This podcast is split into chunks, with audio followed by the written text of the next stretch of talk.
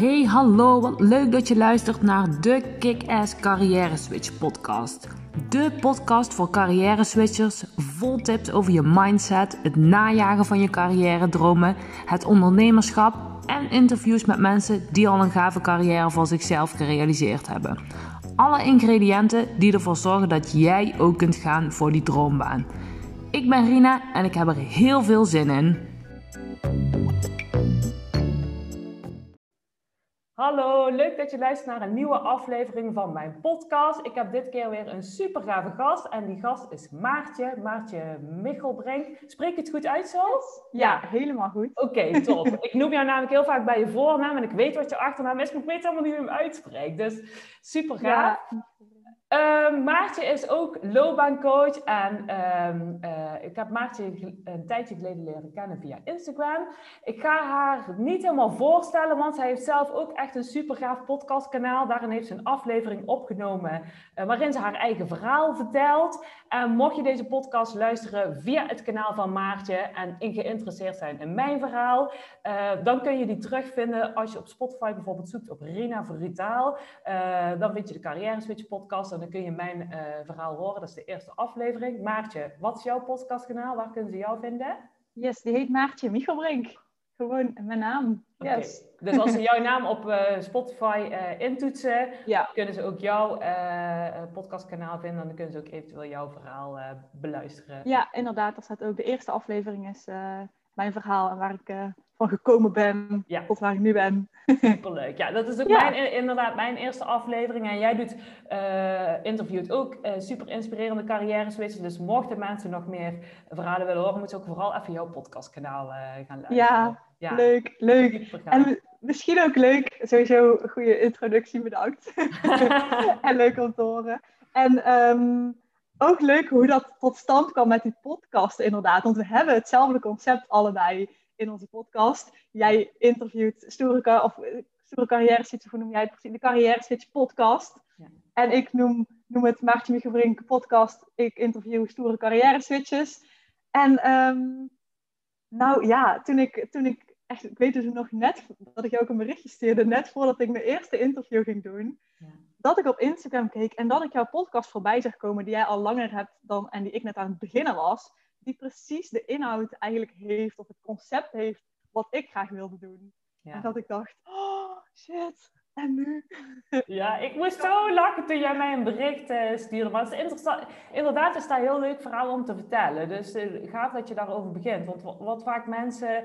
Uh, mensen denken heel vaak in tekorten en in ja. concurrentie. Terwijl ik denk, ja, ja. Er, is, er is genoeg voor iedereen. Maar inderdaad, jij stuurde mij een bericht. Maak je verhaal af. ja, ja, inderdaad, ook nog een beetje vanuit het tekort. Zelf denk ik ergens van, oh, ik vond het totaal niet erg dat jij natuurlijk zelf een podcast had, maar wel dat ik dacht, oeh, wat ga jij ervan vinden dat ik nu ook zo'n podcast begin? Um, dus ja, meteen ook inderdaad naar jou gevlamd, die berichten achter elkaar gestuurd van, uh, ik heb nu dit en dit gedaan, nu lijkt het net of ik jou heb uh, nageaamd. maar hoe vind je het dat ik het nou, uh, nou ook begin? En ik was toch wel heel erg gerustgesteld toen jij zo'n hele lieve reactie stuurde inderdaad, met overvloed. En dat het natuurlijk dat er zoveel mogelijk podcasts moeten zijn met mensen die mensen inspireren om een switch te maken en, en die ervaringen van anderen te delen. Ja. En ja, daar kan ik me eigenlijk helemaal bij aansluiten. Maar ik, um, ik kan me ook heel goed voorstellen dat als je iets begint, dat je een soort van die angst hebt bij dat iemand anders het al doet. Of dat het origineel moet zijn, dat het helemaal nieuw is. Dus ik vind het wel heel mooi om om zelf te ervaren, maar ook dat ik dat, dat bij jou zo sterk terugkreeg van inderdaad, we kunnen met z'n allen ook hetzelfde doen. En iedereen doet het dan op, toch op een andere manier. Iedereen heeft zijn eigen insteek en ja. zijn eigen input en de manier van doen. Daar hoef je verder niet eens iets bijzonders voor te doen. We doen het allebei op onze eigen manier. Precies, dat is ook zo. En weet je wat jij zegt? Is, uh, daar sta ik echt helemaal achter. Ik hoor echt van heel veel carrière switchers. Ik begeleid ook uh, veel startende ondernemers. Dat een van de meest gehoorde bezwaren is: ja, er zijn er al zoveel. Wie ben ik nou om? Ben ik ja. al origineel genoeg? Maar het is helemaal niet de bedoeling om origineel te zijn of om een unieke uitvinding te, te doen. Als je dat kan, prima. Nou, be my guest. Maar daar gaat meestal best wel wat tijd overheen. Wil je iets uniek uit kunnen vinden? En waarom zou je? Want um, weet je wel, het, als ik de deur open doe, dan struikel je bij wijze van over de loopbaancoaches. Zoveel zijn er. Maar ja, wel, er is er maar één zoals ik en er is er maar één zoals jij. Dus, dus, En als je het mij vraagt, zijn er nog niet genoeg. Want als je kijkt naar uh, nou, die subsidies die vorig jaar... Uh, we, we, zijn deze podcast aan het opnemen op 31 maart 2021 eind 2020, in augustus en december, was er een pot vanuit Nederland Leer Door, een subsidiepot, waarin mensen nou, uh, uh, aanspraak op konden doen als ze vastliepen in hun carrière en als ze daar een loopbaancoach bij nodig hadden. Die, die twee potten die waren binnen no time leeg. Dus dan denk ik, weet je, hoeveel mensen hebben hulp nodig van, van een loopbaancoach? Er zijn er nog niet genoeg. Er moeten meer podcasts en meer blogs en meer weet ik veel wat komen om mensen aan te zetten tot een carrière. Dus ik, ik, vond, en ik vond het super lief dat jij mij een berichtje stuurde. Aan de andere kant dacht ik, nee, weet je wel, er zijn er nog niet genoeg. Doe gewoon. En er is, er is geen één loopbaancoach hetzelfde als ik. En jij doet het weer op jouw manier inderdaad. Dus ik, ik geloof inderdaad, nou ja, in, en in overvloed en in uniek zijn door gewoon jezelf te zijn. Ja, ja, precies. Helemaal mee eens. En ik geloof zelfs dus daarin ook nog een stukje verder. Dat ehm, dat als meer mensen voelen dat ze graag loopbaancoach willen zijn, dat automatisch daar ook het aanbod, zeg maar, voor is. Of dat het dan ook dat er ook meer vraag naar ontstaat of is. Snap je een beetje wat ik bedoel? Ja, ik denk, ja, ik snap wat je bedoelt. Ik denk ook wel dat, uh, hoe heet het, dat het uh, ook ligt aan de manier waarop je er zelf in staat. Dus als jij gelooft van, ja, er zijn er al zoveel, er is niemand voor mij, er wil niemand geld voor betalen, uh, wat ben ik nou waard? Dat je uiteindelijk ook situaties aantrekt die daarbij matchen. Dat is een beetje de law of attraction, de, de wet van aantrekkingskracht. Maar als jij gelooft inderdaad wat, wat wij alle twee doen, er is genoeg voor iedereen, er zijn zoveel mensen die vastzitten in een baan, ik heb iets waardevols te bieden, ik ben uniek in mijn soort, ik, ik trek de juiste mensen aan die bij mij passen. Weet je wel, de klanten die bij mij komen, die komen waarschijnlijk niet bij jou. En de klanten die bij jou komen, die knappen echt totaal af op mij. Waarschijnlijk. Dus, dus, dus, um, dus daar geloof ik inderdaad heel erg in. Dat je gelooft uh, nou, in overvloed en in die gedachten. Dat je dan inderdaad ook aan gaat trekken wat je graag wilt. Ja, en dat er ook van, ik geloof dat er een bepaalde interesse in iets ontstaat. Um, dat het ook een beetje bedoeld is dat je die interesse zeg maar krijgt. En hier ben ik altijd bang om zweverig te worden, want ik hou juist van een concrete en praktische aanpak. Maar toch geloof ik dat er ergens een zaadje wordt geplant, ook omdat 50 jaar terug waren er niet zoveel loopbaancoaches en toen was het aanbod er ook niet. En nu zijn er steeds meer mensen die het interessant vinden om loopbaancoach te worden. Maar daar hoort ook bij dat er steeds meer mensen het interessant vinden om naar een loopbaancoach te gaan. Dus Het, ja, het sluit uiteindelijk allemaal aan. Als we doen wat, wat, wat goed voelt en wat matcht, dan geloof ik ook echt dat dat allemaal op zijn plek valt. Ja, ik geloof dat ook wel. Ik vind dat ook niet zweverig hoor. Ik ben zelf ook echt een ubernuchtere Brabander. Maar ik geloof ook wel, ja, weet je wel, in de dingen als de wet van de aantrekkingskracht. En dat alles energie is. En dat energie op een bepaalde frequentie vibreert. Dus als jij super chagrijnig bent, alleen maar denkt wat er niet lukt, wat er shit is, wat er rot gaat op je werk. Dan, weet je wel, dan straal je ook energie op, die, op dat level uit. En wat je dan aantrekt is uh, situaties die op hetzelfde level vibreren. Nou, over vaak gesproken. Maar weet je wel, je, je, je, herkent het ook. Iedereen spreekt altijd wel eens iemand um, uh, waarna die helemaal leeg is. En dat je denkt, ik moet echt even bijkomen van dit gesprek. Dat is precies wat ik bedoel met vibreren op een bepaalde frequentie. En als jij op die eh, frequentie vibreert, dan kun je ook wel voorstellen dat je niet die, die, fijne werkgever of die leuke collega's of die situatie aantrekt die jij graag wil. Dus dan heb je daar iets aan te doen.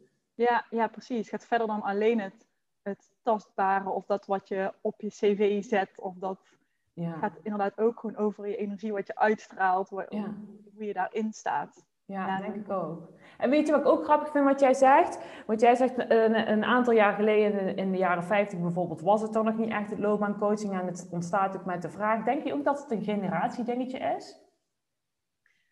Ja, wordt het daarmee een generatiedingetje? Um, ja, ik denk het wel. Ja, als ik het bijvoorbeeld met mijn ouders erover heb, dan zeggen ze, ja, jeetje, uh, in onze tijd, toen was dat allemaal niet. Toen deden we gewoon wat er op ons pad kwam. Toen waren er sowieso ook veel minder keuzes. Toen zag dat er ook anders uit. En toen gingen we gewoon iets doen en om brood op de plank te krijgen. En dus ja, er zijn nu en veel meer mogelijkheden gekomen. En daardoor wordt het ook op een bepaalde manier weer ingewikkelder. En mensen worden steeds meer bewust van dat ze iets willen bijdragen. Ik denk ook dat dat een dingetje ook in de generatie is. Ja. Uh, wat ik bij de millennials ook heel erg herken. Van je wil een bepaalde bijdrage leveren. En niet alleen maar werk doen om salaris op je bankrekening te krijgen waar je je hypotheek van kan betalen. Ja.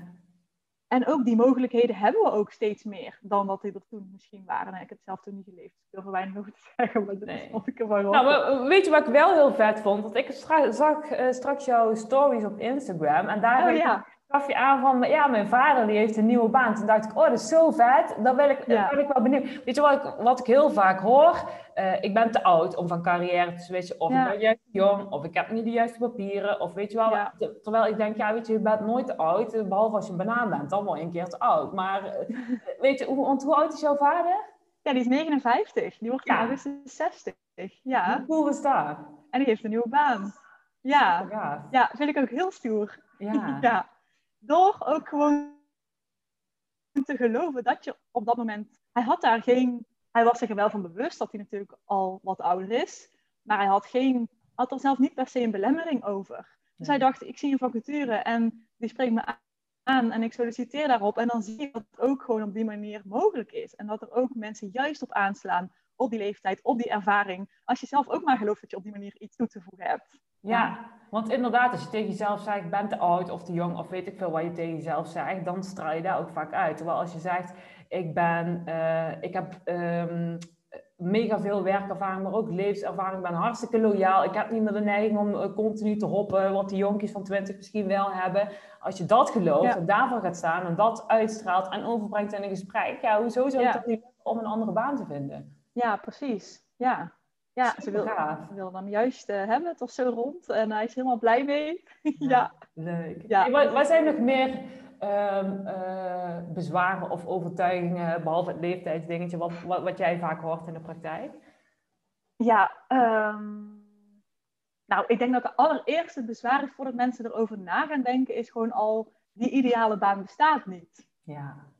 Die overtuiging van dat het dat dat wat ik na wil streven of waar ik in geloof, zeg maar, dat dat, dat, dat er niet is. Ja, ja. um, dus daar begint het al mee. Ja, die ideale baan bestaat niet. En wat vind jij ervan? Ja, ik vind het zo. Um, ik heb daar moeite mee. Ja.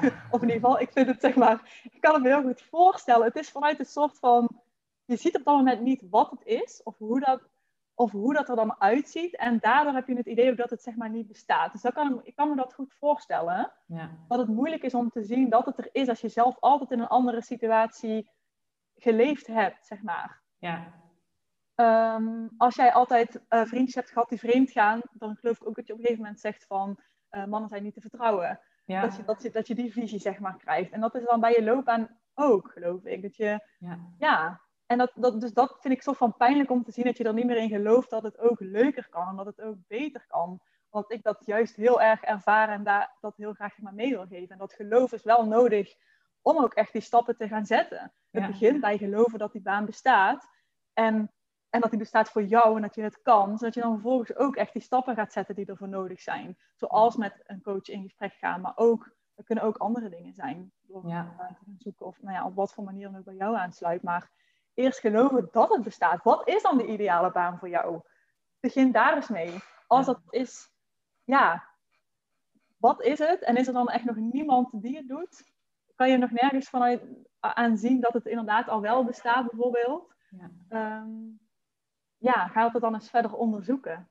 Ja, precies. En het gaat ook vaak inderdaad, het is vaak zo'n grootse en meeslepende uh, vraag dat we het ook heel groot maken en dat het daardoor een ver van je bedshow wordt en dat je het niet concreet kan krijgen. Maar inderdaad, dat is wel een goede tip om te beginnen met uh, misschien wel eerst de randvoorwaarden. Hoe ziet je ideale dag eruit? Op welk moment van de dag heb je het meeste energie? Uh, en daar heb je dan dus ook je werk op aan te passen. Want ik denk niet dat je wilt werken op de momenten van de dag dat je kapot moe bent. En Weet je wel, als je ideale werktijden zijn van maandag tot en met vrijdag tussen 9 en 5, dan is het niet zo handig als je uh, nacht- en avonddiensten en in het weekend moet werken. Dus dat is al één concreet dingetje waar je bijvoorbeeld uh, mee kan beginnen. En wat, wat ik ook wel, weet je, ik vind ook iets van, van die gedachte, de ideale baan bestaat niet voor me. Want ik denk dat die altijd bestaat. Ik denk dat je je kaders op mag rekken als je hem nu nog niet ziet. Want dan heb je dus nog gewoon, dan is je referentiekader te klein als je hem nu nog niet ziet. Ja. En ik denk zelf als je je referentiekader op hebt gerekt en dan nog steeds niet weet welke baan goed bij je past, dan, heb je, dan, dan ga je hem gewoon zelf creëren. Dan word je ondernemer.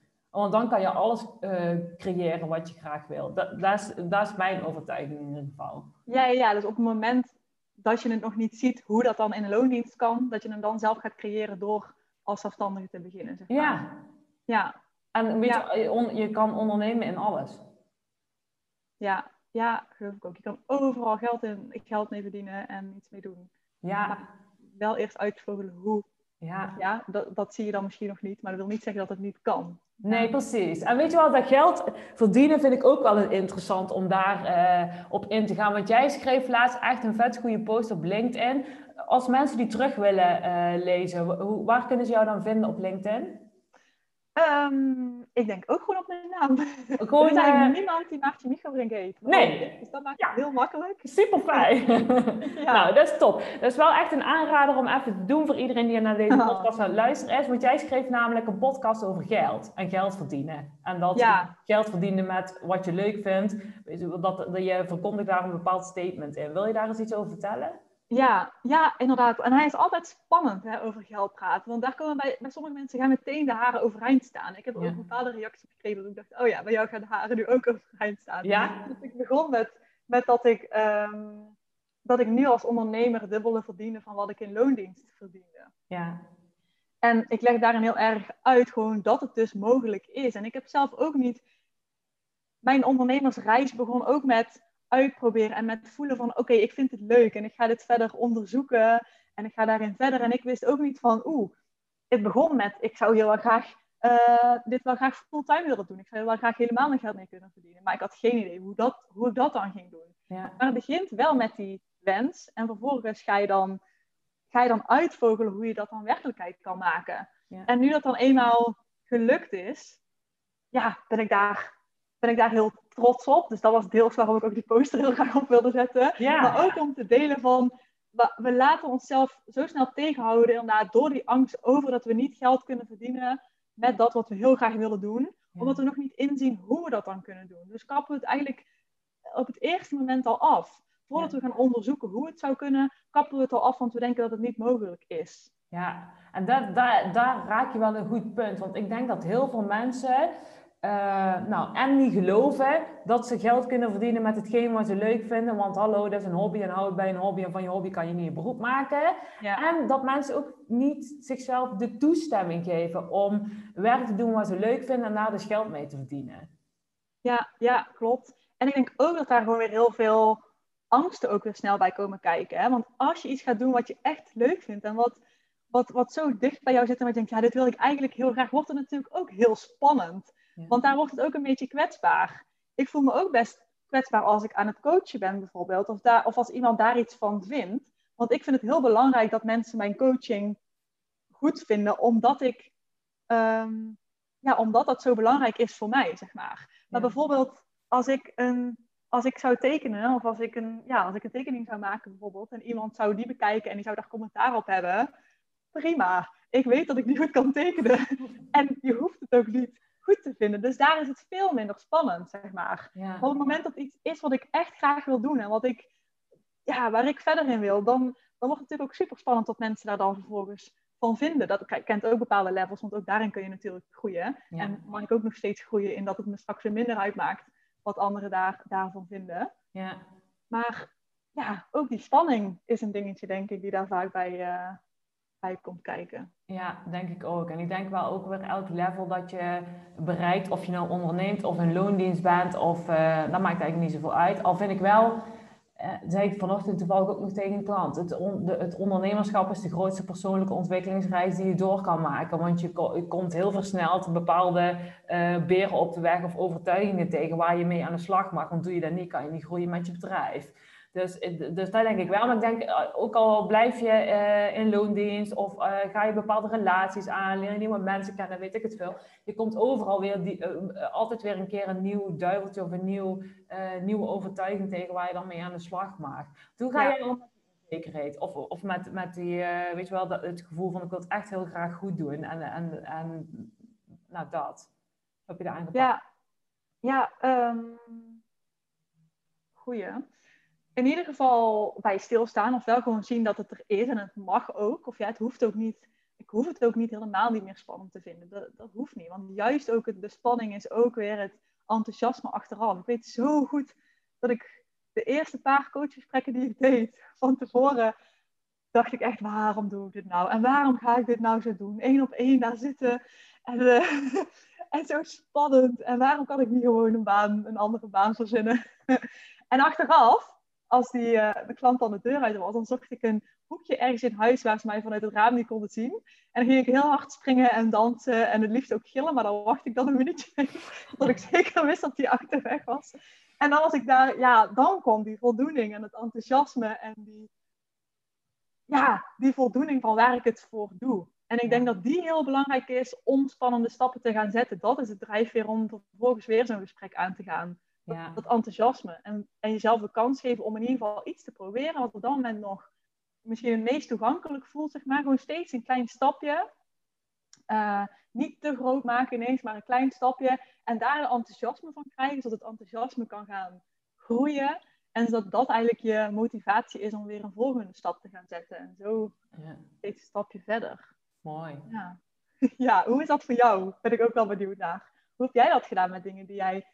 Vind jij het nog spannend om te coachen? Want je bent natuurlijk al een paar jaar langer bezig. Hoe... Ja. Nee, ik, ik vind, dat vind ik niet zo spannend meer. Dus ik heb niet meer dat ik... Uh, ik vind mezelf een hele goede coach en ik vind dat mijn programma heel goed in elkaar zit. En ik, ik krijg ook geen klachten van mijn klanten, dus ik ga ervan uit dat het dan ook gewoon goed is. En ik denk, dat, geef ik, dat geef ik aan mijn klanten ook altijd mee. Stel je wil iets nieuws proberen en je vindt het super spannend, maak dan de drempel voor jezelf een beetje lager.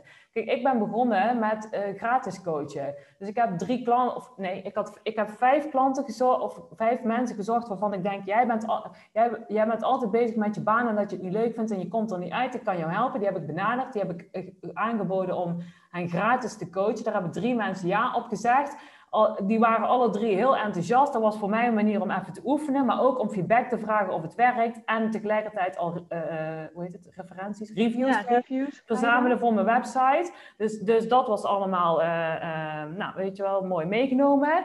En uh, als die, ik had voor mezelf als doel gesteld, als die drie dan echt super enthousiast zijn, dan kan ik het dus. En kan ik er geld voor vragen. En als je dan nog steeds twijfelt, ik kan het niet, is het wel goed genoeg, zit er wel iemand op mij te wachten, dan heb je een ander probleem. En dan mag je daar iets mee gaan doen. Want als jij, uh, weet je wel, een half jaar of een jaar nodig hebt om gratis te gaan werken, ja, ik kan me daar niet veroorloven, want mijn hypotheek moet gewoon betaald worden. Dus eh, als ik merk dat het daar dan ergens stropt of niet goed gaat, dan, um, nou, dan heb ik daar iets bij te zoeken en, en aan te werken. En wat mijn grootste uitdaging lag in het begin is niet mijn zelfverzekerheid over het, over het coachstuk, maar wel over het. Um, ik, ik, kwam met heel veel mensen in aanraking. Allemaal, allemaal mensen met wie ik graag zou willen werken en die ik goed zou kunnen helpen. En als ik ze dan vervolgens sprak, uh, dus aan het aantal leads, zo noemen ze dat dan, zeg maar. Uh, voor de mensen die niet bekend zijn met die term allemaal. Die, um, uh, daar lag het niet aan, maar vervolgens tot klant maken. Daar lag bij mij een stukje onzekerheid. Dus ik, nou, ik was gewoon heel slecht in sales. En daar heb ik dan vervolgens hulp bij te zoeken. Want ik weet, het ligt niet aan, de, aan het netwerk, het ligt niet aan de mensen die ik spreek, het ligt niet, ook niet aan het een traject wat ik uiteindelijk doe, maar daar zat bij mij ergens een overtuiging en een, uh, nou, een grote, groot obstakel en een grote beer op de weg. Dus, dus daar ben ik vooral mee aan de slag gegaan in het begin van uh, mijn bedrijf. En daar heb ik eigenlijk echt van alles voor gedaan. En dat doe ik nu nog steeds. Dus als ik merk dat ik vastloop, ergens tegenaan loop, ik doe heel veel hypnose. Dat is echt helemaal mijn ding. Vind ik echt super fijn om te doen. Wacht ik niet mee tot, het, uh, tot ik, weet je wel, elke dag jankend naar huis fiets. Of Ehm, of dat het echt helemaal mis is, maar dat doe ik als onderhoudsbeurt, zeg maar. Weet je, je gaat ja. ook twee keer per jaar naar de tandarts om je gebit te laten zien. Je brengt ook je auto naar de APK. Waarom niet met je geest? Dus, dus... Ja, dat is ook een interessant. Want ik denk dat die drempel voor heel veel mensen veel hoger is. Wanneer ga je, wanneer ga je hulp zoeken of wanneer ga je met iemand ergens over in gesprek? Of waar ligt die grens nou voor jou? Ja, weet je waar ik denk? Dat is, ik denk dat dat een beetje afkomstig is van de opvatting uit de hele medische wereld. Je bent stuk, dan ga je naar een dokter en dan laat je je maken. Terwijl waar, waarom niet andersom? Dus ik geloof heel erg in uh, preventie. En ik zie ook wat het mij heeft opgeleverd door bijvoorbeeld onder hypnose te gaan. Ik heb energy healing gedaan, ik heb ademsessies gedaan. Dat was dan niet zo mijn ding, maar een vriendin van mij heeft daar bijvoorbeeld weer heel erg uh, iets aan gehad. Dus, dus ook even kijken naar wat dan bij jou past. Uh, weet je, ik laat hem ook coachen. Uh, dus ik heb ook gewoon coachgesprekken. En ik, ik, dat is niet omdat er iets stuk is of omdat er iets gemaakt moet worden. Maar wel omdat ik het en heel fijn vind om het samen te doen. En weet je wel, bij de loodgieter thuis lijkt het altijd. Je hebt zelf bepaalde blinde vlekken waar je gewoon iemand mhm. anders voor nodig hebt om daar gespiegeld te krijgen. En uh, uh, ik kan het wel alleen, maar samen ga je veel harder. En ik hou van, wel van een beetje doorgaan, zeg maar. Dus, de, dus dat zijn eigenlijk mijn uh, redenen om daar ja, volle bak in te investeren. Ja, inderdaad. Om op die manier ook te blijven groeien en je eigen blinde vlekken te blijven zien. Daarmee. Ja, want hoe is dat voor jou? Wat ik daarin doe, in die ontwikkeling bedoel je? Ja, omdat, of, of sta je daar, nou misschien nog een vraag ervoor. Sta je er ook zo in of heb je daar een andere kijk op? Ja, ik sta er zeker zo in dat de, dat de ontwikkeling voor jezelf ook heel belangrijk is. En dat die vaak een beetje, inderdaad een beetje ja, onderschat wordt of zo. Of vaak het idee dat het, in mijn omgeving zie ik dat het vaak, dat mensen denken dat het vaak heel erg moet zijn voordat ze, ja, hulp kunnen zoeken. Hulp kunnen zoeken klinkt misschien ook alweer heel zwaar. Uh, want het wil niet zeggen dat je het niet alleen kan, maar wel dat je de mogelijkheid ziet om er met iemand naar te kijken om er meer uit te halen, zeg maar. Ja. Um, dus wat wil ik daarmee zeggen? Ja, dat, dat, dat ik dat ook, dat ik dat in vergelijking met mijn omgeving in ieder geval ook veel sneller doe. Als ik merk dat ik ergens iets niet, uh, niet fijn loop, dat ik graag anders zou, zou willen zien, dan ga ik kijken hoe ik dat zou kunnen veranderen. Of hoe iemand mij kan helpen dat te veranderen. Want ik hoef het niet allemaal zelf te weten. En dat scheelt ook heel veel. Ja. Uh, dat je niet het idee hoeft te hebben dat je het allemaal zelf moet weten. Ook in het ondernemen niet. En ik ben daar alleen in begonnen ook. Gewoon van, oh, ik ga eens kijken. En op een gegeven moment ga ik inderdaad ook merken van... Hmm, uh, er komen klanten, maar dan ineens ook weer niet. Hoe kan ik die meer uh, consistent ontvangen? En dan ga ik kijken wat ik daarvoor hulp in kan gebruiken. Dus zo inderdaad, bij elk dingetje waar, waar je dan zo tegenaan loopt, ga ik kijken wat ik daar, ja, wat ik daarbij kan gebruiken. Ja. ja. Ja, ik geloof daar ook heel erg in. En ik geloof ook, weet je, dat ben jij natuurlijk ook, want jij hebt ook een eenmanszaak volgens mij toch, of niet? Ja. ja. ja. Dus je bent je bedrijf. En als jij om, uh, valt, dan valt heel je bedrijf om. Kan je een klant eh, helpen, kan je een omzet draaien, dus alles valt of staat met jou. Dus jij bent, uh, nou, je, als je in loondienst bent, dan letten ze heel erg goed op de computers. Doen ze, er loopt er misschien een beveiliger rond, uh, s'avonds als er iemand is, doen ze de deur op slot. Maar jij hebt, jezelf, jij hebt dat voor jezelf te doen, met jouw lijf en met jouw geest en met je uh, nou ja, met je alles. Want als je, als je die niet goed beschermt, net als die beveiligers die de computers uh, een keer nakijkt en door het gebouw rondloopt, s'avonds als er niemand is, ja, dan, dan heb je wel een probleem. Ja, zeker. En, en als ondernemer inderdaad nog dubbel, maar dat je ook je eigen bedrijf hebt. Ja. Maar ik denk dat het gewoon voor iedereen is, ook naast of je een ondernemer hebt of in loondienst, ben je nog steeds zelf verantwoordelijk over je eigen, je eigen leven. De invulling daarvan met je werk, maar ook hoe je het hoe jij je leven ervaart, zeg maar. Hoe jij daar tegenaan kijkt. Iedereen ziet ook dat anderen heel anders weer met hun leven omgaan. Er zijn zoveel mogelijkheden daarin. En je kunt daarin zoveel leren, ook anders naar tegen dingen aan te kijken. En als je begint met inderdaad die verantwoordelijkheid pakken over je bedrijf, maar of ook gewoon over je leven, over jezelf. Ja, en dat is ook, weet je wel, want het hoeft inderdaad helemaal niet eens zozeer voor, eh, voor uh, ondernemers te gelden. Maar wat jij zegt ook, ik merk ook wel, er zit toch een stukje taboe op. Vooral als je aan de slag gaat met je geest of met je mindset. Of dat je, weet je wel, dat je niet lekker in je vel zit en er graag met iemand over wil hebben. Terwijl, ja, Ik laat me echt heel graag coachen. Ik vind dat gewoon lekker. En ik schaam me daar echt helemaal niet voor. Maar het is wel ook eens anders geweest. Want ik heb, ik heb ooit een burn-out gehad. En ik heb me niet voor niks die burn-out in gewerkt. Omdat ik heel erg gewend was om mijn mond dicht te houden en alles zelf op te lossen. Ja, ja, ja. Ja, dus dat je op dat moment ook nog dacht van ik moet de dingen zelf oplossen en ik moet er zelf mee aan de slag. Hang de vuile was niet buiten en uh, schaam jezelf dat je je zo slecht voelt. Weet je wel, ja, wat heb je nou te zeuren, want je hebt een goede baan, je hebt een fijn gezin. Uh, nou, dat allemaal, weet je wel. En dan een stuk doorgaan. Ja, ja, ja, ja, inderdaad. Totdat het echt, de, de, pijn, de pijn moet soms ook eerst heel groot worden voordat je dan in actie gaat komen. Hè? Voordat je pas echt die verandering gaat opzoeken. Ja. En dit is ook wel een grappig, want die nou ook zei, die sluit ook nu wel aan bij een stelling die ik voor je had bedacht. Waar ik heel benieuwd ben. Oh, ik ben benieuwd. Kom maar op. en dat is de stelling die ik namelijk ook wel eens hoor loopbaan. En dat is, ach, het is overal wel wat. Ja. Nee. ja, daar vind ik wel iets van, van die uitdrukking. Weet je, ja. Uh, ik hoor van heel veel carrière switches die dan hebben besloten: oké, nu ben ik er echt klaar mee. Ik wil graag het roer omgooien. Ik wil iets anders, want ik voel dat er meer in zit. En uh, er zijn soms ook wel mensen, weet je wel, die echt helemaal niet elke dag huilend naar een werk rijden, maar die gewoon voelen van: ik ben uitontwikkeld hier en ik ben toe aan de volgende stap. Ergens anders misschien ook wel, of misschien als ondernemer. En die dat dan delen met hun omgeving. En dan zijn er twee dingen die er vaak gebeuren. De eerste is dat mensen uh, gaan vragen, maar wat ga je dan doen? Hoezo, je kan toch niet zomaar opzeggen? Dus de, en daar worden carrière switches al vaak onzeker van. Want dat is nou juist de vraag waar ze geen antwoord op weten. En als ze die dan van hun omgeving krijgen, dan worden ze nog meer aan het wankelen gebracht. En de tweede die vaak uh, wordt geprojecteerd is, is inderdaad, ja, het is overal wel waar hoor. Dus met andere woorden, zeur niet zo. Get over it en zet gewoon door.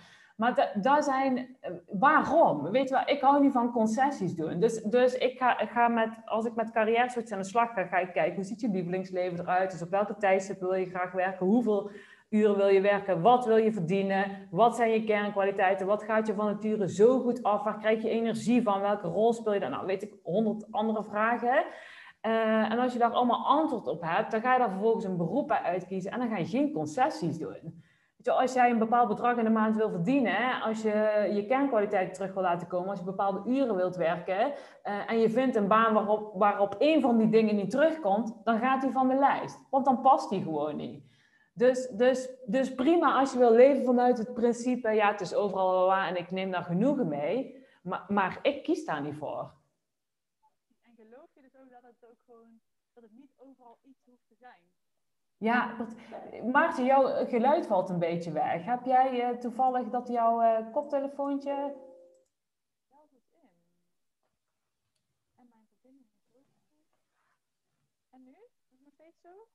Goed? Ik hoor jou een beetje zachter. Als je hem, uh, wil, je, wil je zo een beetje zo doen?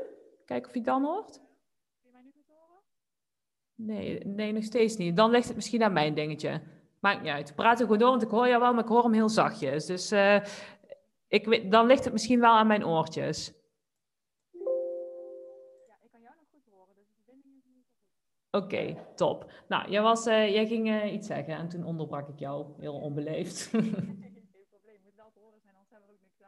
Ja. Ja, maar jij, jij gelooft dus ook dat al die punten die uit een traject naar voren komen, al die eisen die je eigenlijk zeg maar, gaat stellen, dat die allemaal ook te halen zijn in een baan. Ja, en dat het kan. Ja, daar geloof ik heilig in. En, en ja. sterker nog, eh, als je hem niet kan vinden in de baan- en loondienst, dan heb je hem dus zelf te creëren. En weet je, dat, dat is ook een van de redenen waarom dat uh, nou, bij 75 tot 80 procent bij de mensen die bij mijn traject volgen, uiteindelijk de uitkomst is, ik word ondernemer. Ja, ja, ja. Ja, want zoveel mensen die bij jou uh, een traject volgen, die ook voor zichzelf gaan beginnen. Ja, heel veel inderdaad. Dus, uh, de, dus ik denk inderdaad, ik denk inderdaad uh, je, je mag je eigen lievelingsleven formuleren met al die facetten die, die we net besproken hebben. En vervolgens is het de kunst om daar geen concessies in te doen. En als je denkt, ja, het is overal al waar, dan ga je dus al concessies doen. Prima, ja. maar, maar dan, ook, dan, ook, dan ook niet zeuren, denk ik dan. Ja, het is ook een, wel een beetje een, een, een zin om te gebruiken van ik neem niet voor niks genoegen met wat ik nu doe, want het is overal wel wat, zeg maar. Een beetje een excuus ook om in te zetten van ik ga niet de spannende grenzen opzoeken of een switch maken. Of, ja. weet je, het is overal wel iets, dus ik doe het hier maar mee, zeg maar. Ja. Ja, maar dat is inderdaad, uh, ja, dat is inderdaad zo'n obstakel, wat, uh, uh, of zo'n overtuiging, want als je daar niks mee gaat doen, dat dat, dat dan je realiteit wordt. Ja. En weet je wel, ik denk ergens ook dat vasthouden aan die overtuigingen, die je in eerste instantie niet lijken te dienen, die leveren je altijd wel iets op. Precies wat jij zegt. En vaak als ik aan mijn mensen vraag van wat levert je op door dit te geloven, dan, dan is de eerste reactie ja niks, want ik wil uiteindelijk wel iets anders. Maar het brengt je zeker wel iets, want anders zou je er niet aan vasthouden. Het is precies wat je zegt. Het brengt namelijk dat je niet uit je comfortzone hoeft te komen, dat je niet hoeft te gaan netwerken, dat je, uh, nou weet ik veel, uh, niet je baan op hoeft te zeggen om, om dat eigen bedrijf te beginnen. Dat levert het je op, op de korte termijn. De veiligheid. ja. En dat is inderdaad vaak op de korte termijn. En op die manier kijken we ook vaak. Hè? ons brein is ook gewoon gewend om dingen op de korte termijn het fijne gevoel te krijgen, zeg maar. En minder op de lange termijn die spanning en die angst aan te gaan. Ja, dat is ook de reden waarom dat heel veel mensen het niet lukt om bijvoorbeeld uh, te gaan sporten of af te vallen. Want op de korte termijn is het veel aantrekkelijker om op de bank te liggen met een zak chips en Netflix ja. te kijken. Terwijl op de lange termijn bereik je daar uiteindelijk nooit je doel mee. Terwijl, en op de korte termijn is het helemaal niet zo fijn om als het uh, eh, 10 graden vries buiten die uh, hardloopbroek aan te trekken en toch een rondje te gaan. Want we blijven allemaal liever lekker binnen dan op dat moment. Ja, dus, ja, dus, dus, dat is inderdaad, weet je wel, je hebt altijd de keuze te maken tussen de korte termijn pijn en de lange termijn pijn. En, en uiteindelijk dus ook, want dat staat altijd tegenover het korte termijn geluk en het lange termijn geluk. Ja, ja inderdaad. Ja, mooi hè. Ja. Oké, leuk. Even kijken of ik nog een stelling voor je heb. Ja, nou kom maar op. Hmm. Wat denk je dat de grootste reden is dat mensen niet doen wat ze graag willen doen? Dit dat is De grootste reden dat mensen niet doen wat ze graag willen doen. In hun carrière bedoel je of in het ja, algemeen? In hun carrière. Ik denk omdat mensen um, veel te veel bezig zijn met de strategie als ze met die vraag bezig gaan, terwijl er nog wat stappen aan vooraf gaan. Ik geloof dat een fijne carrière, of het nou is een loondienst of in, uh, als ondernemer, dat die gebaseerd is op drie pijlers: mindset, energie, strategie. En dat mensen heel vaak met de strategiepijler als eerste aan de slag gaan. Dus met de vraag, ja, wat wil ik dan? Indeed app installeren als een malle vacaturestuk op internet. Ja. Terwijl uh, als je niks doet met de stemmetjes in je hoofd, wanneer was het niet lukt, het is overal iets, niemand zit er op mij te wachten. En je doet niks met je energie. Dus als jouw baan uh, energie uh, slurpt en je bent tegelijkertijd bezig met een uh, carrière switch, of je zit heel laag in je energie en je bent alleen maar aan het mopperen, je gebruikt negatief taal, en dat hebben we vaak niet door. Maar da dan trek je ook vaak, ja, weet je, daar hebben we het net over gehad. Dan vibreer je op een bepaalde frequentie en dan trek je ook de situaties aan die erbij horen. Dus ik denk uiteindelijk dat mensen met de verkeerde dingen aan de slag gaan en daardoor niet in beweging komen. Ja, dus dat echt een onderdeel, dat het verschillende onderdelen zijn die samenkomen, zeg maar, die samen in lijn moeten komen. Ja, en ik denk, weet je wat je kan, uh, want uh, ik weet niet hoe dat bij jou is, maar ik, nu niet meer, maar toen ik net begon als loopbaancoach, kreeg ik heel vaak het verzoek om, ik wil een test doen of ik wil sollicitatietraining krijgen. Terwijl, nou, ik ben, ik ben zelf een beetje, anti, of een beetje, ik ben heel erg anti-test, dus dat doe ik sowieso niet. En sollicitatietraining geef ik niet, want sollicitatietraining is een strategieding, terwijl de strategie is maar 10%. En 90% zit hem dus in mindset en energie. En je, dus wat ik tegen mijn klant wel zeg, je kan beter uh, superveel zelfvertrouwen hebben, mega zelfverzekerd zijn, keiveel energie hebben en nul kennis, nul werkervaring en nul diploma's aan de muur dan dat je bakken aan kennis, bakken aan ervaring, bakken aan studies hebt gevolgd met nul zelfvertrouwen en nul energie. Want die laatste die gaat er niet komen en die eerste wel. Ja, dat is inderdaad wel interessant om zo in die verschillende, drie verschillende stukken zeg maar, te zetten. Ja, want inderdaad, we denken heel vaak in wat er dan zwart op wit op dat cv kan komen te staan of hoe dat eruit ziet. Um, terwijl er inderdaad zoveel meer omheen zit, gewoon wie jij bent als persoon en wat jij uitstraalt. Ja. En hoe dat overkomt. Ja. En hoe je jezelf presenteert. Ja, precies dat. En weet je wel, dat cv en die brief ook. Het is sowieso een beetje een, een, een, inmiddels achterhaalde manier van solliciteren. Er zijn veel leukere en efficiëntere manieren om ergens binnen te komen uh, in een bedrijf. Tenminste, dat, dat, is hoe ik er tegenaan kijk. Plus, je kan pas een goede strategie maken die bij jou past. Als je eerst helemaal hebt uitgeplozen hoe jouw gebruiksaanwijzing is, hoe je, hoe je in elkaar zit. Dus stel dat we uiteindelijk tot de conclusie komen dat schrijven helemaal niet je ding is, dan maken we een video of dan, dan ontwerpen we een goede netwerkstrategie of bedenken we een andere manier hoe je binnen kan komen. Dus, dus al die strategiedingen die aan het einde komen, zeg maar, de, als je daarmee begint, dan sla je een paar stappen over uh, naar ja. mijn mening. Ja, dus echt het solliciteren zelf en hoe ga ik solliciteren is de laatste, ja. Ja, de laatste stap eigenlijk. En daar gaat het heel veel aan vooraf. Ja, daar ken ik ook heel erg. Want dat is ook denk ik vaak wat mensen het eerste doen. Als ze denken, oh dit bevalt me niet, dan heel praktisch gaan ze op, op een vacaturesite kijken en dan gaan ze daar reageren en dan duiken ze zeg maar in het volgende. Ja. En inderdaad, daaraan vooraf gaat eerst kijken naar wie je zelf bent, wat je belangrijk vindt en dat allemaal duidelijk krijgen inderdaad en die, die energie ook goed krijgen en die mindset, zoals jij zegt. Ja. Dat je vanuit daar kan gaan kijken wat daar dan weer bij past. Ja. En op die manier word je ook veel weerbaarder voor als je een afwijzing krijgt bijvoorbeeld. Of als het moeilijker wordt of zo, die weg naar naartoe. Hè? Ja. Als je dan heel goed van jezelf weet van ja, dit wil ik, hier ben ik enthousiast over. Dan, uh, ga je, dan ga je daar veel verder voor dan wanneer je denkt joh, ik wil nu een andere baan, want dit bevalt me niet, zeg maar. Ja, plus als je iets hebt gedaan aan bijvoorbeeld de overtuiging, niemand zit op mij te wachten, dan kun je dus inderdaad veel meer nee's incasseren aan het einde van het traject, dan als je niks met die overtuiging hebt gedaan. Want als je nog steeds die overtuiging hebt, gaat solliciteren, afgewezen wordt, dan denk je, ja, zie je wel, niemand zit op mij te wachten. Ik moet ook helemaal niet denken dat ik ineens iets anders kan gaan doen. Ik ga het maar weer bij het al bekende. Ja, dan is een bevestiging voor die overtuiging die ze dan al, uh, ja. dan al hebben. En als iemand met zijn overtuiging bij jou komt, wat zou je, hoe zou je die dan, uh, wat zou je dan mee doen? Jij zit er zo met je vingers alsof ik een vingerknip heb. En ja, sorry. ja.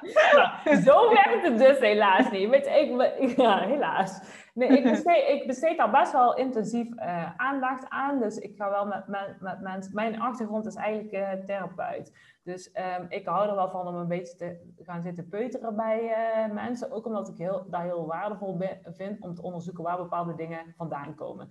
En wat eigenlijk bij iedereen zo is, is dat bepaalde overtuigingen vormen zich in, in je jeugd. Dus van 0 tot 7 jaar ben je eigenlijk je komt ter wereld als een blanco blad. En uh, op dat blanke blad worden in die eerste zeven levensjaren, in de eerste acht levensjaren, wordt volgeschreven door je omgeving. Vaak zijn dat je ouders. Met de beste bedoelingen, hè? zonder uh, iemand aan te wijzen of weet ik veel wat. Dus da daar heb je vaak naar terug te gaan. Naar te kijken naar uh, wat heb je allemaal meegemaakt. Welke conclusies heb je daar zelf uitgetrokken. En hoe belemmeren ze je nog op dit moment in je huidige leven. En nou, ja, gaat, dan gaat een aantal gesprekken worden daaraan besteed. En verder, ehm, wat ik ook doe in mijn groep is altijd een, een uh, of nu altijd, dat doe ik nu, nu omdat ik vind, ik merk dat het heel goed werkt, is uh, groepshypnose. Weet je, ik ben zelf heel erg fijn, fan van hypnose, dus ik wilde dat ook voor mijn uh, groep regelen. Dus heb ik een, een groepshypnose verzorgd, waarin je dus daar dus ook mee aan de slag gaat. En verder heb ik dan in mijn online omgeving een aantal oefeningen waar je meteen mee aan de slag kan, om ervoor te zorgen dat je die positieve mindset traint. Dus, dus, nou, en dus, dus eigenlijk een, een heel klein stukje van wat ik dan doe, zeg maar, om aan die mindset te gaan werken. Want het is best een complex iets. Ja, iets wat er al jaren ook, wat je op die manier doet. En op die manier je filter ook eigenlijk voor hebt en bevestiging voor zoekt. Ja. En, en weet, herprogrammeren eigenlijk. Ja. ja. en daar heb je eigenlijk altijd iemand anders voor nodig. Want je kan jezelf gewoon niet aan je eigen haren uit het moeras trekken. Dus daar heb je gewoon iemand anders nodig die jou bepaalde vragen stelt, die, die, er, die er doorheen prikt als je de ene keer dit zegt en de andere keer dat, die jou spiegelt op het taalgebruik wat jij bijvoorbeeld uh, gebruikt. En um, dat kan je vaak niet alleen. Ja, ja, ja, daar heb je echt iemand nodig die daar van afstandje van kijkt en die jou daar objectief op kan reflecteren. Ja, maar ik denk ook dat daar jouw waarde ook heel erg ligt. Want dat is natuurlijk wat jij ook doet in je gesprekken. Uh, dat je bepaalde patronen tegenkomt. Maar ook, weet je wel, dat je heel erg nog voor dat stukje strategie zit. Nou ben ik wel heel erg aan het invullen. Maar volgens mij ben jij ook niet van de sollicitatietraining. Maar gaat er bij jou ook wel aan vooraf voordat je uiteindelijk daar komt. Ja, zeker. Ook, ik geloof ook dat dat stukje vooraf juist, ja, nee, uh, dat dat het bijdraagt aan die sollicitatie training uiteindelijk. Maar goed, zal ik beginnen bij het stukje vooraf. Is inderdaad eerst heel erg kijken bij ja, naar wie je bent. Want het lijkt altijd zo vanzelfsprekend. Maar heel vaak kunnen we niet direct bijvoorbeeld benoemen wat je sterke punten zijn, bijvoorbeeld. Of wat je belangrijk vindt in een baan. Of waarom je deze baan eigenlijk niet meer leuk vindt. Ehm, dus om daar echt bewust van te worden. wat zijn nou eigenlijk die dingen waardoor dat dit nu niet meer... Je kunt wel benoemen van ja, ik heb een baas die... Uh, uh, die me heel op mijn vingers kijkt en dat vind ik irritant. Maar wat zit daar dan achter? Weet je wel? Waar strookt dat niet mee wat, wat jij wel belangrijk vindt? Wat wil je dan zien daarin bij een ander bedrijf of in jouw werkomgeving? Als het een bedrijf is of voor jezelf of op wat voor manier dan ook. Maar dus eerst wel dat inderdaad vanuit jezelf te gaan creëren. In plaats van te kijken wat iemand anders als aanbod voor jou op een vacature zet, zeg maar. En hoe jij daar dan aangenomen kan worden, zeg maar. Dus heel erg dat is heel erg hoe we het vaak doen. En dat is best wel eenrichtingsverkeer. Dan, dan, dan beginnen we al in het sollicitatieproces met kijken hoe wij in het plaatje van een ander passen. Um, en daarin een beetje meepraten en een beetje goed proberen over te komen. En ook vaak met die sollicitatietip van hoe kom ik het beste over tegenover die nieuwe werkgever. Ja, ik geloof dat dat, dat, dat begint bij jezelf eerst heel duidelijk hebben wie je bent en wat je belangrijk vindt en waar je naar op zoek bent. Ja. Zodat het ook vanuit twee kanten je dat gesprek samen hebt en kunt polsen past dat bedrijf dan ook bij mij? En als jij dat voelt en goed kan aangeven wie dat jij bent, dan voelt dat bedrijf automatisch ook veel sterker weer Ehm, dat jij bij hun wel of niet past. Ja, en inderdaad, ja, precies. En ook dat je laat zien van ik weet heel goed wat ik wil en wat ik niet wil. En wat jij zegt, ik ben het daar echt laaiend mee eens. Want ehm, inderdaad, we proberen vaak een goed plaatje van onszelf te schetsen. Oh, moeten we in de avonduur werken? Nee, geen probleem hoor, ik ben hartstikke flexibel. Dan weet je wel dat je dan eh, de werkgever inderdaad aan de mond probeert te praten omdat je die baan heel graag wil. Terwijl je mag het inderdaad andersom zien. Die werkgever die, die uh, is net zo goed op gesprek bij jou zodat jij kan toetsen of die werkgever en de functie en, weet, de collega's en weet ik het veel allemaal, of die matchen met jouw voorwaarden. En daarom is het ook zo belangrijk om weet je wel, al die randvoorwaarden en al die vragen waar we het net al over hadden, om die eerst helemaal helder te hebben, zodat je ook heel uh, concreet uh, je bestelling kan plaatsen, om het zo maar af te zeggen. Ja, precies. Ja. En vaak hebben we dan nog een beetje de, de angst, zo is dan een beetje spannend van, kan ik daarmee aankomen bij een bedrijf? Maar een bedrijf voelt ook dan die kracht die daarachter zit of zo. Of die, de manier die weet dan ook dat dat wat er staat, dat, dat hoe je dat brengt, dat je dat bent, ja, die weten dan wat ze aan je hebben. Ja. En dat is veel beter. Zij voelen ook aan wanneer dat jij een beetje een beetje meepraat, zeg maar. Dat, dat verschil is ook duidelijk voelbaar. Dat is ook een stukje energie wat erachter zit. Ja, plus als jij een hoop concessies gaat lopen doen tijdens een gesprek en je wordt het vervolgens. Ja, eh, ja. Ik, ik eh, zeg tegen mijn klanten ook altijd, jij leert andere mensen hoe ze met jou om mogen gaan. Dus gaan er continu mensen over je grenzen heen. Uh, weet je wel, schuizen, afspraken in je lunchpauze elke keer er doorheen. Uh, mogen mensen jou in het, uh, in, s'avonds en in het weekend appen en sta je altijd voor iedereen klaar, verwacht ze altijd meteen antwoord, dan is dat niet omdat die mensen zo vervelend zijn, maar dan is het vaak omdat jij daar al heel erg je, uh, nou, je grenzen over hebt laten gaan en dat jij mensen hebt geleerd dat ze zo met jou om mogen gaan. Ja. En dan heb je dus ook, dan kan je inderdaad grenzen gaan stellen, maar interessanter is het dan nog om te gaan kijken, waarom doe je dat? Want vaak is het dan zo van, ik wil mensen niet voor het hoofd stoten, ik ben bang dat ik dan niet goed genoeg ben, ik wil erbij blijven horen, dat soort overtuigingen. Ja, ja, inderdaad. Waardoor dat ze bang zijn ook dat een bedrijf daar weer iets over gaat vinden, of dat ze mee moeten denken of in hun straatje mee moeten gaan. En als je dat inderdaad te lang doet, dan, dan komt het altijd op een bepaalde, bepaald punt weer van, nee, dit past niet bij mij. Ja, doordat je inderdaad die eigen grenzen niet aangeeft of niet duidelijk hebt wat die grenzen dan überhaupt zijn en waarom dat je dat niet doet. En, ja, precies, inderdaad. Super interessant hoe dat werkt. Ja, hè? ja inderdaad. Alles valt uiteindelijk samen. Alles is geheel, nou ja, ja, heel leuk om, uh, ook om met z'n tweeën zo over te hebben. Ja, dat vind ik ook. Ik, volgens mij, weet je, want daar heb ik met heel veel uh, mensen met wie ik een podcast opneem, dan denk ik altijd, oh, volgens mij kunnen we wel een vierluik opnemen. Ja. zo doorbomen over uh, dit onderwerp. Maar ja, dat is wel echt een uh, gezamenlijke passie. Ik denk dat we dat wel mogen concluderen. Ja, inderdaad. Het komt dan lekker los, ja. ja. Hey, om, om nog even, want ik zit ook met een klein oogje even naar de klok te spieken, want we zijn al lekker lang weer in gesprek. Um, jij bent al een beetje van de stellingen en de quotes, heb ik al, net al gemerkt. Oh, zullen we daarmee afsluiten? Wat is jouw favoriete quote? Of welke quote of welke ehm, stelling heeft het, heeft het meeste uh, gedaan in jouw carrière? Oeh, goeie. Welke het meest gedaan heeft? Zo. Ik lees er een heleboel. Um, Ja. Uh, ik weet het niet eens. Ik, weet, ik kan niet één quote opnoemen die het het meeste doet. Nee? Maar het, nee. Maar wat erachter zit is wel echt... Ik denk elke... alles wat vooral gaat over zelf die verantwoordelijkheid nemen. Ik heb daar iets mee. Daar sta ik heel erg op aan. Ja. Verantwoordelijkheid nemen over je eigen loopbaan, over je eigen leven. En, en niet bij anderen neerleggen. Ehm, en dan kan je daar heel veel moois mee bereiken. Dit is mijn eigen quote. Ja. ik kan zo op het tegeltje. ja, weet je wat, dat is echt het zelfleiderschap, zeg maar. Ja, ik, ja, dat is voor mij wel het meeste waardoor ik geloof ik het, ja, deze dingen bereikt heb of zo nu in leven staan. Ja, ja, ja ben ik het wel mee eens. Ik ben ook heel erg voor zelfleiderschap. Weet je wel, zelf uit, uh, zelf uit het programma halen wat je eruit wil halen. Zelf alles instoppen wat je wilt. Zelf hulp zoeken als je ergens niet uitkomt. Zelf de goede vragen stellen als je bijvoorbeeld in een coach traject zit. Uh, nou, weet je, dat allemaal inderdaad. Ja. Heb, jij, heb jij een quote? Daar ben ik ook heel nieuwsgierig naar. Ja, oh, ik heb, ik heb honderd quotes. Ja?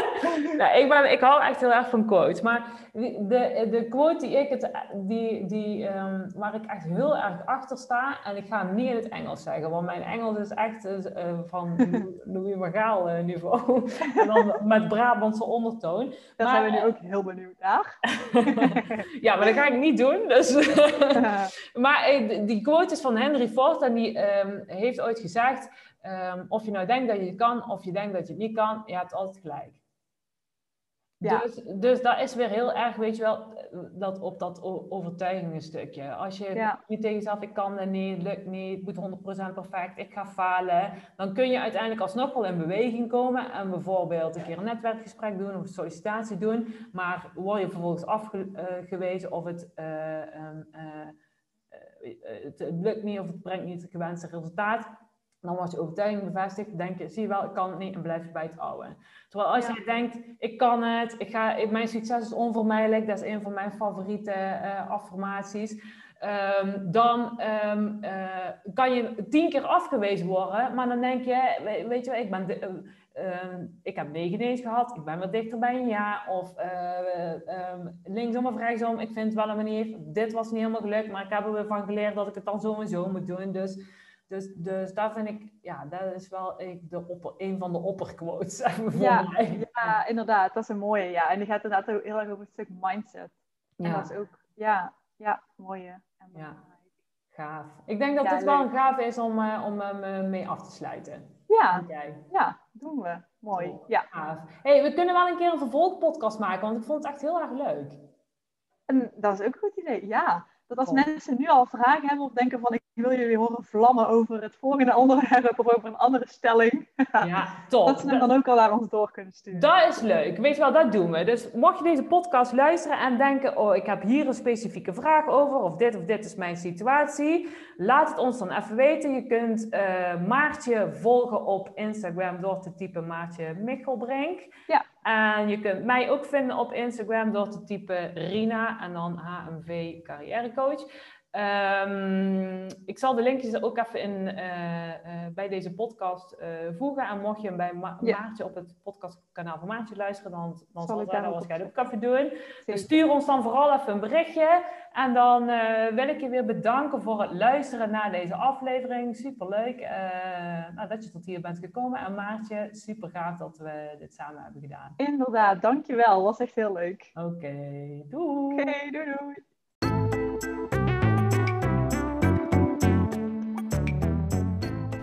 Ja, dat was hem weer. Leuk dat je luisterde naar deze aflevering van de Kick-Ass Carrière Switch podcast.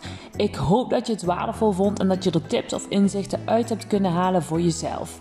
Vond je dit nou een waardevolle podcast? Dan zou ik het super leuk vinden als je dat zou willen delen. Bijvoorbeeld via je eigen social media kanalen door een screenshot te maken van je scherm, deze foto te delen en mij daarin te taggen. Of door bijvoorbeeld een review achter te laten. En ken je nog andere mensen die vastlopen in hun carrière en toe zijn aan de volgende stap? Dan zou ik het super vinden als je deze podcast ook met hen wilt delen. Dankjewel voor het luisteren en tot de volgende aflevering.